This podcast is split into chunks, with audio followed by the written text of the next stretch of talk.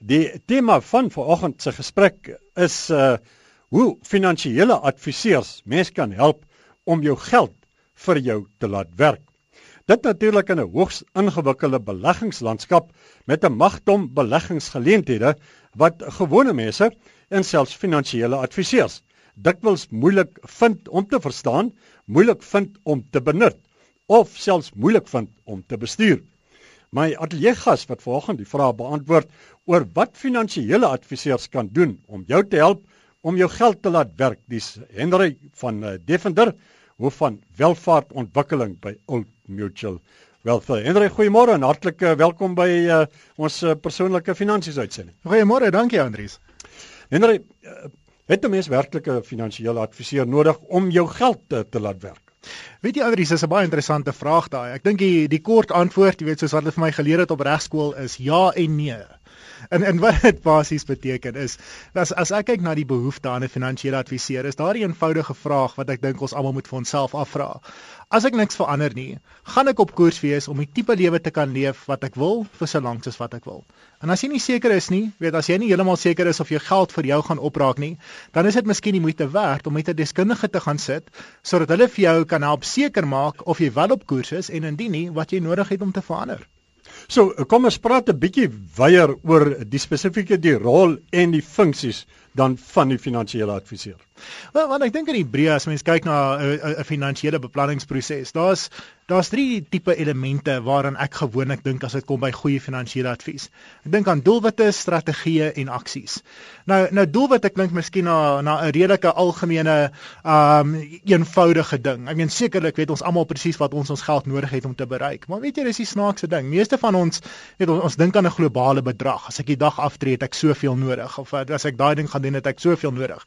Maar uh maar in kort uh, is ons almal nie so duidelik soos wat ons nodig het om te wees rondom presies wat die tipe dinge is wat ons ons geld nodig het om te doen nie. So punt nommer 1, 'n finansiële adviseur kan my help verstaan om duidelikheid te kry rondom wat daai dinge is wat ek gaan nodig hê om 'n kwaliteit lewe te lei en dan kan hy my help om te beplan vir my geld sodat ek die beste moontlike kans het om uh, om daai resultate te bereik.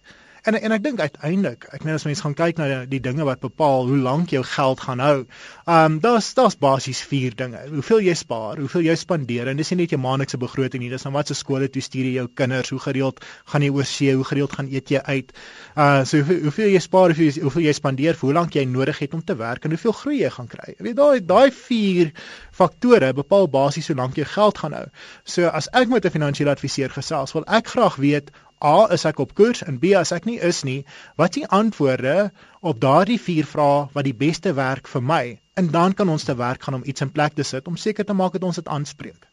Die vraag wat ek nou volgende vir jou gaan vra is: hoekom kan ek nou nie self my eie finansiële finansiële heil uitwerk nie. Waarom is dit vir my nodig om werklik 'n finansiële adviseur te gaan gebruik en dan nog 'n klomp geld ook daarvoor te betaal maar voor ons daarby uitkom luisteraars skakel ons by 011 731 8502 op die lyn uit Oos-London is Lydia. Lydia, goeiemôre. Jy kan my jou vraag vra. Um, goeiemôre Magnus. Ag weet jy ek het nou al by 'n paar finansiële adviseurs aangeklop. Ek het 'n hele paar uh, klompie geld wat belê moet word namens my pa wat 90 jaar oud is. En hy het nie regtig die geld nodig nie want hy het nog 'n pensioen. Kan jy vir my so 'n bietjie raad gee? Ja, ek dink jy moet dalk net vir ons 'n idee gee. Hier's 'n belangrike aspekte wat ter sprake is hier Lydia voordat die raad kan kom is soos byvoorbeeld 'n beleggingstermyn oor hoe lank periode wil hy belê, wanneer gaan hy die geld nodig hê en uh, tot watter mate moet daai geld uh, toeganklik wees vir hom? Dis nogal belangrike aspekte. Ja, um, dit die termyn moet nie ek wou hy is 90 jaar oud. So mense kyk nie na 'n lang termyn nie. Die geld hoef nie uh, dadelik beskikbaar te wees. Ek glo maar wat gebeur hmm. met by afsterwe. Goed. Uh met die geld wat in fonds belê is. Ja, Henry. Okay, wel wel, wel Lydia, ek weet dis dis nog 'n um, 'n goeie en uitdagende posisie waarin jy jouself vind. En ek kan ongelukkig nou nie gedetailleerde advies gee nie want weet daar soveel gedetailleerde goeders wat mense in ag moet neem, maar maar hier's 'n paar riglyne, 'n paar goeders waaraan mense wil dink. As 'n mens jou geld gaan belê, het mens nodig om te dink aan aan groei teenoor likwiditeit. Ja, uh, weet likwiditeit beteken basies hoe toeganklik is my geld, hoe maklik kan ek dit in die hande kry. Um en in groei beteken basies weet wat watse tipe groei wil ek graag op my geld hê en hoe belangrik is dit vir my. Dis byvoorbeeld baie belangriker vir 'n 35-jarige om 'n hoë groeikoers te behaal oor die volgende 35 jaar van sy lewe as wat dit vir vir meeste 90-jariges is, maar bygesê, weet dalk leef jou pa hopelik totdat hy heelwat heelwat ouer is. So die tipe dinge waarna ek sou kyk is punt nommer 1, kom ons maak nodig uh weet weet dalk dalk is 'n volatiele 'n te groei gerigte belegging. Um miskien nie die beste moontlike oplossing nie, want as waardes met 20% kan styg of kan val oor 'n jaar en jy het geld oor 6 maande nodig uh vir 'n operasie of vir mediese uitgawes, weet dis dis miskien nie ideaal nie. Um so mense wil miskien begin dink hoe ouer jy word, weet verby 'n bepaalde punt, uh wil jy minder risiko begin neem en eerder seker maak dat jy nie die hoogste groeikoers moontlik bereik nie, maar genoeg van 'n groeikoers bereik dat jy geld hooplik gaan hou solank soos wat dit wil. Ehm um, maak seker die geld is so toevang so toeganklik as wat mense dit nodig het om te wees. Ehm um, en ek dink vir enige belegger ook, maak seker dis belasting effektief.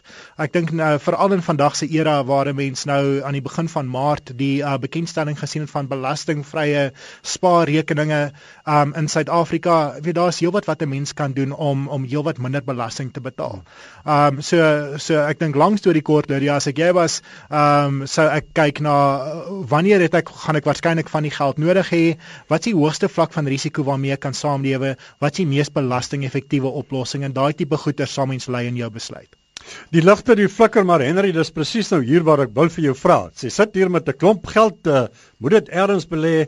Is die gewone persoon en ek praat nou sommer dit sluit sommer vir myself ook in al het uh, ek nou so 'n klein bietjie kennis hier van die finansiële wêreld uh, beskik die gewone persoon oor genoeg kennis om in hierdie hoogs ingewikkelde finansiële wêreld met sy baie produkte en sy baie risiko's en sy baie geleenthede nou in te gaan om kom ons sê nou maar mooi om hierdie jobie te gaan doen soos wat Lydia nou hier gevra het. Of is dit 'n tipiese voorbeeld waar 'n mens eerder sou gaan en sê maar hier het ek 'n professionele mens nodig om my te kan help Wel, wel ek dink uh, Andries se dank seker af van van hoe mense die gemiddelde persoon definieer. Jy weet ons leef in 'n baie diverse gemeenskap. Die gewone gemiddelde ou in Sandton is miskien anders as die gemiddelde ou in daar.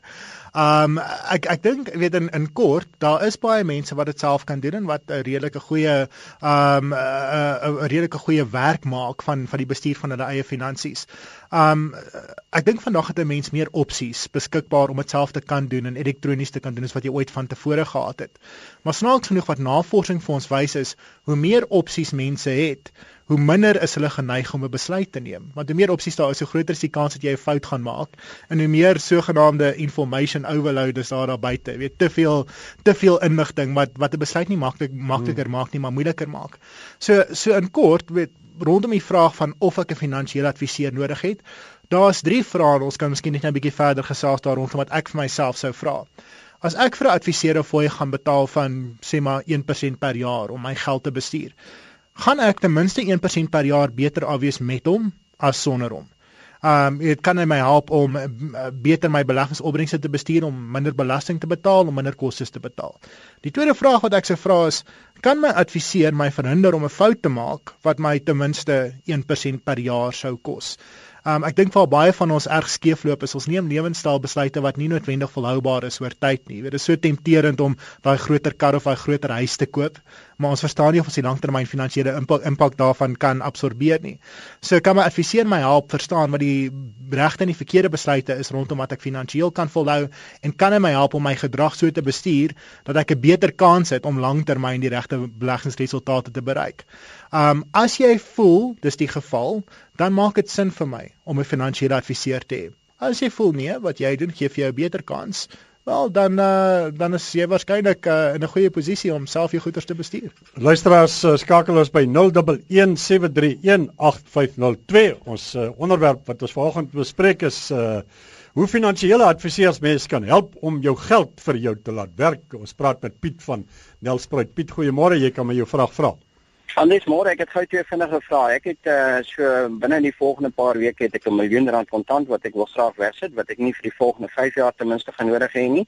En dan die tweede een is, ek het uh, so rukkie terug geklim by Sasol aandele opgetel teen wel oor 600. Hulle staan nou hierso dis kan die 400. uh miskien bietjie advies. Uh ek luister vir julle by die radio. Dankie. Baie dankie dat jy geskakel het. Ja, individuele aandele sal ons nou nie vanoggend op hierdie program uh, bespreek nie, maar die ander vraag uh, Henry, dis 'n uh, heel relevant. Ek wonder of Piet nog daar is. Dalk kan ek my bankrekeningnommer vir hom gee. En uh, daar kan hy let in so 5% uh, Piet, uh, daar kan ons besigheid praat. Tong en kies Henry. Uh, Piet se vraag. Uh reg, Piet, rondom jou vraag. As uh as ek my geld gaan belê, daar's daar's in my ervaring een van drie dinge waarop mens kan fokus as jy geld gaan belê. Die een is mens kan fokus daarop om die hoogste moontlike opbrengste te bereik. Um jy weet en, en ek dink ons word gekondisioneer dikwels jy lees in die media of in tydskrifte of jy hoor van hierdie great belegging en daai fantastiese belegging. Jy weet ek ek dink ons on, ons is amper uh on, ons basiese uh, ons basiese doelwit uit die saamspreid is om te fokus op maksimum groei. Um dis moeilik om dit te doen want daarmee gaan ek hoë risiko gepaard. Die tweede ding waar mense kan fokus is koste. Ek wil graag die goedkoopste moontlike belegging hê. Um weer eens eh, weet die goedkoopste belegging gaan noodwendig mense groei wat jy gaan nodig hê nie. Of die derde ding waarop mense kan fokus is jy kan fokus daarop om die groei te kry wat jy nodig het um teen so min risiko as moontlik. En dis waar finansiële beplanning soort van by die raamwerk begin inkom. Um die vraag wat ek graag wil weet wanneer ek geld gaan belê is Wel, wat het ek hierdie geld nodig om te doen vir my oortyd en wat is die tipe groei wat ek nodig het sodat ek genoeg gaan hê daarvoor? En dis waar 'n goeie finansiële plan in plek kom. En as ek weet wat dit is, nou ja, weet dan raak die um, dan raak die opsies heel, heel wat makliker. Wat is die regte bateklasse wat vir my daai groei kan gee wat ek gaan nodig hê? Wat is die mees belastingeffektiewe oplossing? En is dit vir my belangrik om um, my hande op my geld te kan kry na in die eerste 5 jaar? Want dit gaan bepaal of jy miskien kyk na iets soos 'n uh, uitkeerpolis of 'n effekte trust tipe belegging. Um so solank storie kort oor 5 jaar, um wanneer ek dink oor risiko, moenie kyk na 1 jaar risiko nie, kyk na wat is die risiko van enige belegging oor 'n 5 jaar periode of langer en vra vir jouself of jy oukei is daarmee. Punt nommer 2, verstaan wat se tipe groei jy wil kry en wat ook al jy dan kies of jy 'n adviseur gaan gebruik en of jy dit nou self gaan kies, maak seker dat daai onderliggende bateklasse, weet oorsee, plaaslik, eiendomme, aandele en dis meer, dat die meng van daai bateklasse vir jou die beste moontlike kans gee om daai opbrengs te bereik. Um en as dit nie die aard van die advies is wat ek kry nie, as ek vir 'n adviseur sit en hierdie ou probeer vir my sê, "Hey, gee vir my jou geld en kyk hoe great is my opbrengste," dan raak ek angstig. Want dit wys my hy het waarskynlik nie gedink aan al die faktore waaraan hy moet dink nie.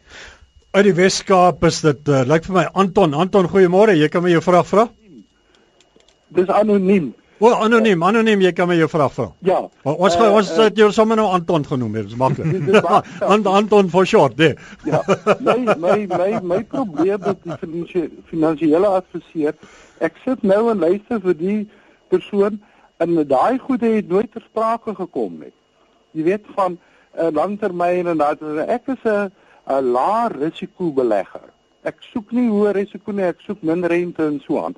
Maar Uh, ek het byvoorbeeld gehad by uh Old Mutual, hierdie uh, Fairbank Capital Investment Frontier en so aan, so omtrent 200 000 rand.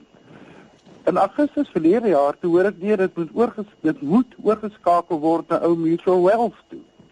Wat toe nou vormpies geteken en alles en hier op die ronde tafel uh uh grafiekies geteken en uh pyltjies gemaak en kringetjies en hierdie produk uh het 'n opbrengs van 14,83%. Ek sê wat kry ek? Nee, die produk so. Ek het nooit gehoor wat die geld is wat ek gaan maak in 3 maande se tyd en ek kry elke 3 maande terug. Hmm. Uh uh uh staat. Nou werk dit uit. Wie wat se opbrengs? 7,3%. Die ander gaan vir al hierdie ander goede finansiële fooie, administrasie fooie en daai tipe van goede. Ja. Moet julle ouens nie vir ons daai goed sê. En die vraag antwoord wat ek vra is, hoeveel gaan ek meer hê in 3 maande se tyd? In steede om vir my te sê dit is wat gebeur en dis wat gebeur en dis ja. wat gebeur. Anton baie dankie. Anoniem jammer jammer uh, dankie dat jy geskakel het uh, misverstande, onkunde, onaangeligtheid rondom die potensiaal van 'n belegging. Dit kom baie dikwels voor my Henry praat vir ons uh, oor die vraag wat is. Maar, maar Anton, eh, weet jy jy, jy praat twee jy, jy vra twee baie goeie vrae daar. Nee, maar nie Anton nie, anoniem. Jy vra twee goeie vrae. Sê die Andries is jy slegte infodies op. Ehm um, nee, die, die een vraag is wat kan 'n mens verwag en wat hoort mense te verwag van jou belegging en die tweede een is wat moet mens wat is mens geregtig om te weet rondom beleggingskoste? En ek dink altyd van daai komponente is bitter belangrik. Kom ons begin by die vraag van beleggingsgroei. Um hoe hoër die groei is wat mens graag wil bereik, hoe meer blootstelling gaan mens nodig hê aan um bateklasse soos eiendomme en aandele en weet oorseese aandele en al daai tipe goederes. En hierdie tipe bateklasse, wel jou bateklasse bepaal omtrent 95% van jou beleggingsrisiko's en opbrengste. So as ek my geld gaan belê, is dit vir my baie belangrik om te verstaan wat is die onderliggende bateklasse en hoe gedra hulle hulle self um tipies hoe hoër die groei is wat ek nodig het, hoe groter is daai op en af siklusse waardeur ek oor tyd sal gaan om daai gemiddelde groei te behaal. Um so weet ek kan nou nie praat oor die details van van anoniemse geval nie, maar weet ware ou dikwels sien dat 'n belegging soms bietjie sukkel oor die kort termyn. Moet mense onthou dat weet langtermyn groei is nie iets wat gebeur in 'n reguit lyn nie. Dis iets wat gebeur um deur die loop van siklusse. En as die siklus teen jou werk, moenie kyk na die korttermyn resultate van waar jy geld belê is nie. Kyk na die langtermyn resultate en hoe die geld bestuur word. En dan vra jy jouself, is dit gepas in lyn met wat ek wil bereik? Die tweede vraag rondom koste is 'n bitter belangrike een en ehm um, rondom regulering. Jy sê jy Andries as jy prokureur op die show gaan kry, dan weet jy mos daar gaan 'n re, regsoogpunt inkom. Uh rondom regulasie, die finansiële dienste raad is basies die ouens wat die wette en die reëls skryf rondom wat finansiële adviseurs in Suid-Afrika moet doen. En hulle het aan die einde van verlede jaar gesê wat tot hier toe nie verder nie. Daar's te veel mense daar buite wat nie weet wat hulle betaal nie. En wanneer hulle iets betaal, kry hulle geen waarde in ruil daarvoor nie. Hulle hulle die die wetskrif wat hulle uitgebring het genoem um handelsdrus die, die handelsdistribusie hersieningswetskrif. Um maar in elk geval, een van die punte wat hulle gemaak het is die volgende. Um en ons gaan hierdie veranderinge te loops in die wet sien oor die volgende 2 jaar of wat. Die enigste fooi wat um 'n uh, um, 'n adviseur op beleggings mag verdien is wat jy as kliënt ooreenkom om hom te betaal. Hy kan geen verdere beleggingskommissies, weet onder die tafel betalings, daai tipe goeder kry nie, daarmee gaan weggedoen word. So oor die volgende paar jaar gaan dit uitsonderlik maklik word vir 'n uh, kliënt om te verstaan presies wat hulle hulle adviseur betaal, want die adviseur gaan geen ander vorm van betaling op sy belegging mag ontvang nie. En die tweede ding is die wetgewer het gesê wel As jy 'n jaarlikse fooi vir jou kliënt gaan gaan laat betaal, wil ek sien wat jy doen in ruil daarvoor, wat die waarde is wat jy verskaf. En dis 'n bitter belangrike vraag vir enige van ons as beleggers om te vra as ek vir enigiemand betaal of my advies te gee. Wys vir my wat jy doen en wat jy vir my op 'n deurlopende basis doen en dan sal ek besluit of dit die moeite werd is of daar genoeg waarde in is. So oor die volgende jaar of twee verwag maar dat jy adviseer moontlik met jou 'n gesprek gaan hier rondom hoe hy betaal word en as jy daai gesprek het, vra vir jouself af, is ek beter af daarmee of daarsonder? Net uh, kortliks tot tyd terwyl daai nuwe wetgewing nou geïmplementeer word, sou dit dan raadgewer wees vir 'n belegger wanneer hy met 'n adviseur te maak kry. Om te voorkom dat hier nou die soort van misverstande is, fantastiese groei, maar eers 'n klomp versteekte kostes dat jy as 'n belegger vir die adviseur sou sê, maar goed, gee vir my hier 'n uiteensetting van die finansiële staatjie. 15% uh, inkomste minus dit, minus dat, minus dat en hier is die onderste lyn dis wat jy gaan uitkry. Dis nog 'n maklike sommetjie om te vra vir 'n adviseur al jy nie spesifieke syfers nie, jy werk minstens met die spesifieke komponente uitgawes en inkomste van daai belegging. So, dan word dit 'n tipe van 'n mini begroting. Ehm um, ja, ek meen dis 'n dis 'n baie geldige punt en Andries, ek wil graag glo dat enige goeie finansiële plan daai komponente gaan in hê. Ehm um, want ek meen 'n finansiële plan gaan eintlik oor 'n oor 'n eenvoudige ding. Waar is ek vandag? Waar wil ek graag wees? En weet deur soveel te spaar en uit te gee soos wat ek gaan spaar en uitgee oor tyd, ehm um, weet teen 'n gemiddelde groeikoers um hoe lank gaan my geld my hou? Weet dis 'n eenvoudige prentjie wat enige adviseur vir jou moet kan skets. As hy nie vir jou so 'n prentjie skets nie, dan raak dit vir my moeilik om te dink wat die regte waarde is wat 'n beleggingsadviseur spesifiek uh aan my kan toevoeg. Want as hy nie weet wat die groei is wat ek nodig het om te bereik nie, hoe kan hy vir my gepaste beleggingsadvies gee? Dit is dit is amper 'n baie moeilike ding en ons sien daai verandering nogal redelik sterk inskop as dit kom by hoe die gesig van advies in Suid-Afrika verander. Rondom die tweede die tweede punt wat jy lig, weet wat presies is die goederes wat wat ek gaan aftrek behalwe vir my lewenskoste? En ek dink terug na anoniem se vraag ook, weet wat presies is die koste wat ek gaan betaal? Daar's drie tipes kostes wat mens uh, wat mens betaal as dit by belegging kom. Die een is die adviseur se fooi. So jy adviseer moet moet dit vir jou baie duidelik maak wat hy verdien aanvanklik en op 'n deurlopende basis. So maak seker jy verstaan dit. Die tweede een is die uh die produk of die platform fooi. So of dit nou 'n effekte trust is en of dit nou 'n uitreaniteit is, weet wat is die die administrasiekoste gekoppel aan daai belegging en daai spesifieke platform of die voertuig. En die derde fooi is die fondsbestuurder se fooi. So of ek my geld gaan gee vir 'n mutual of vir 'n Grove Investec of wie ook al, wat is die koste wat hulle vir my gaan hef? En weer eens wetgewing het forceer hulle om te publiseer. Hulle noem dit die sogenaamde total expense ratio. Weet wat daai koste gaan wees. So verstaan daai drie dinge. Wat betaal ek my adviseur? Wat betaal ek vir die beleggingsvoertuig? Wat betaal ek vir die fondsbestuurder? Nou as jy duidelik is op daai drie dinge, dan gaan jy 'n goeie idee van wat om te verwag. Die tyd is bitter bitterman. Kom ons kyk, uh, ons praat met John in Pretoria. John, kan jy jou vraag baie kort hou asseblief? Uh, dan kan ons hom dalk nog probeer inkry. Ja, julle moedig duidelik mense aan om 'n finansiële adviseur te kry.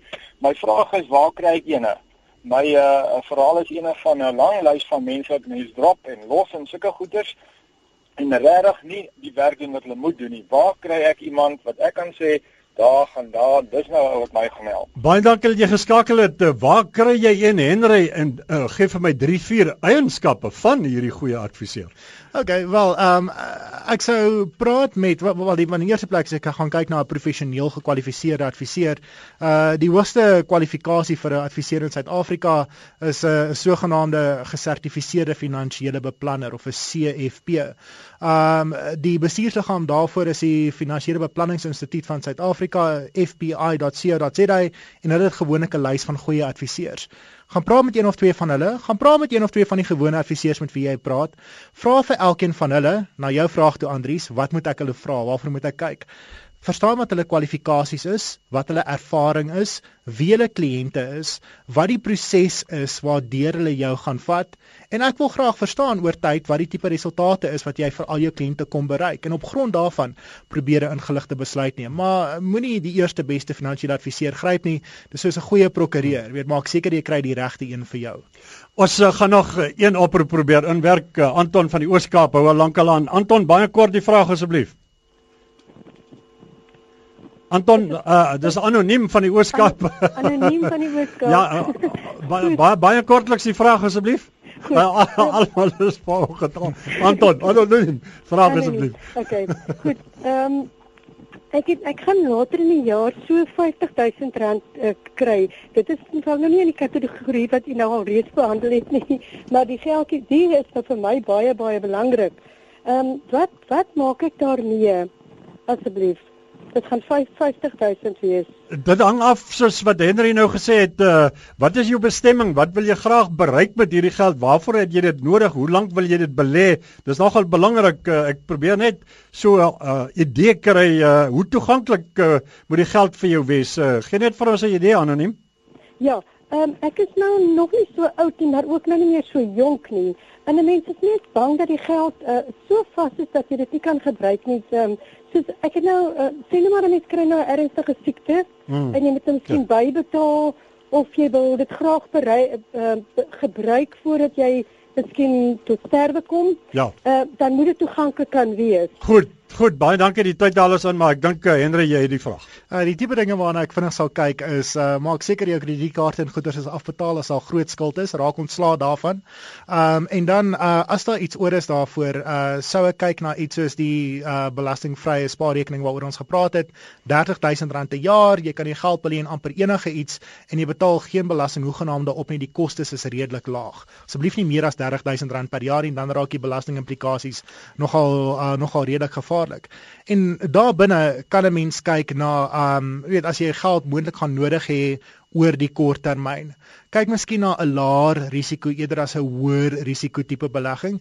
Uh wie kan die adviseurs met wie jy praat, vra vir hom om te verduidelik vir jou hoe die belegging um homself gaan gedra oor die volgende 1, 2, 3 jaar, hoeveel geld ek kan maak of verloor, wat my verwagtinge is en op grond daarvan neem mense hopelike ingeligte besluit.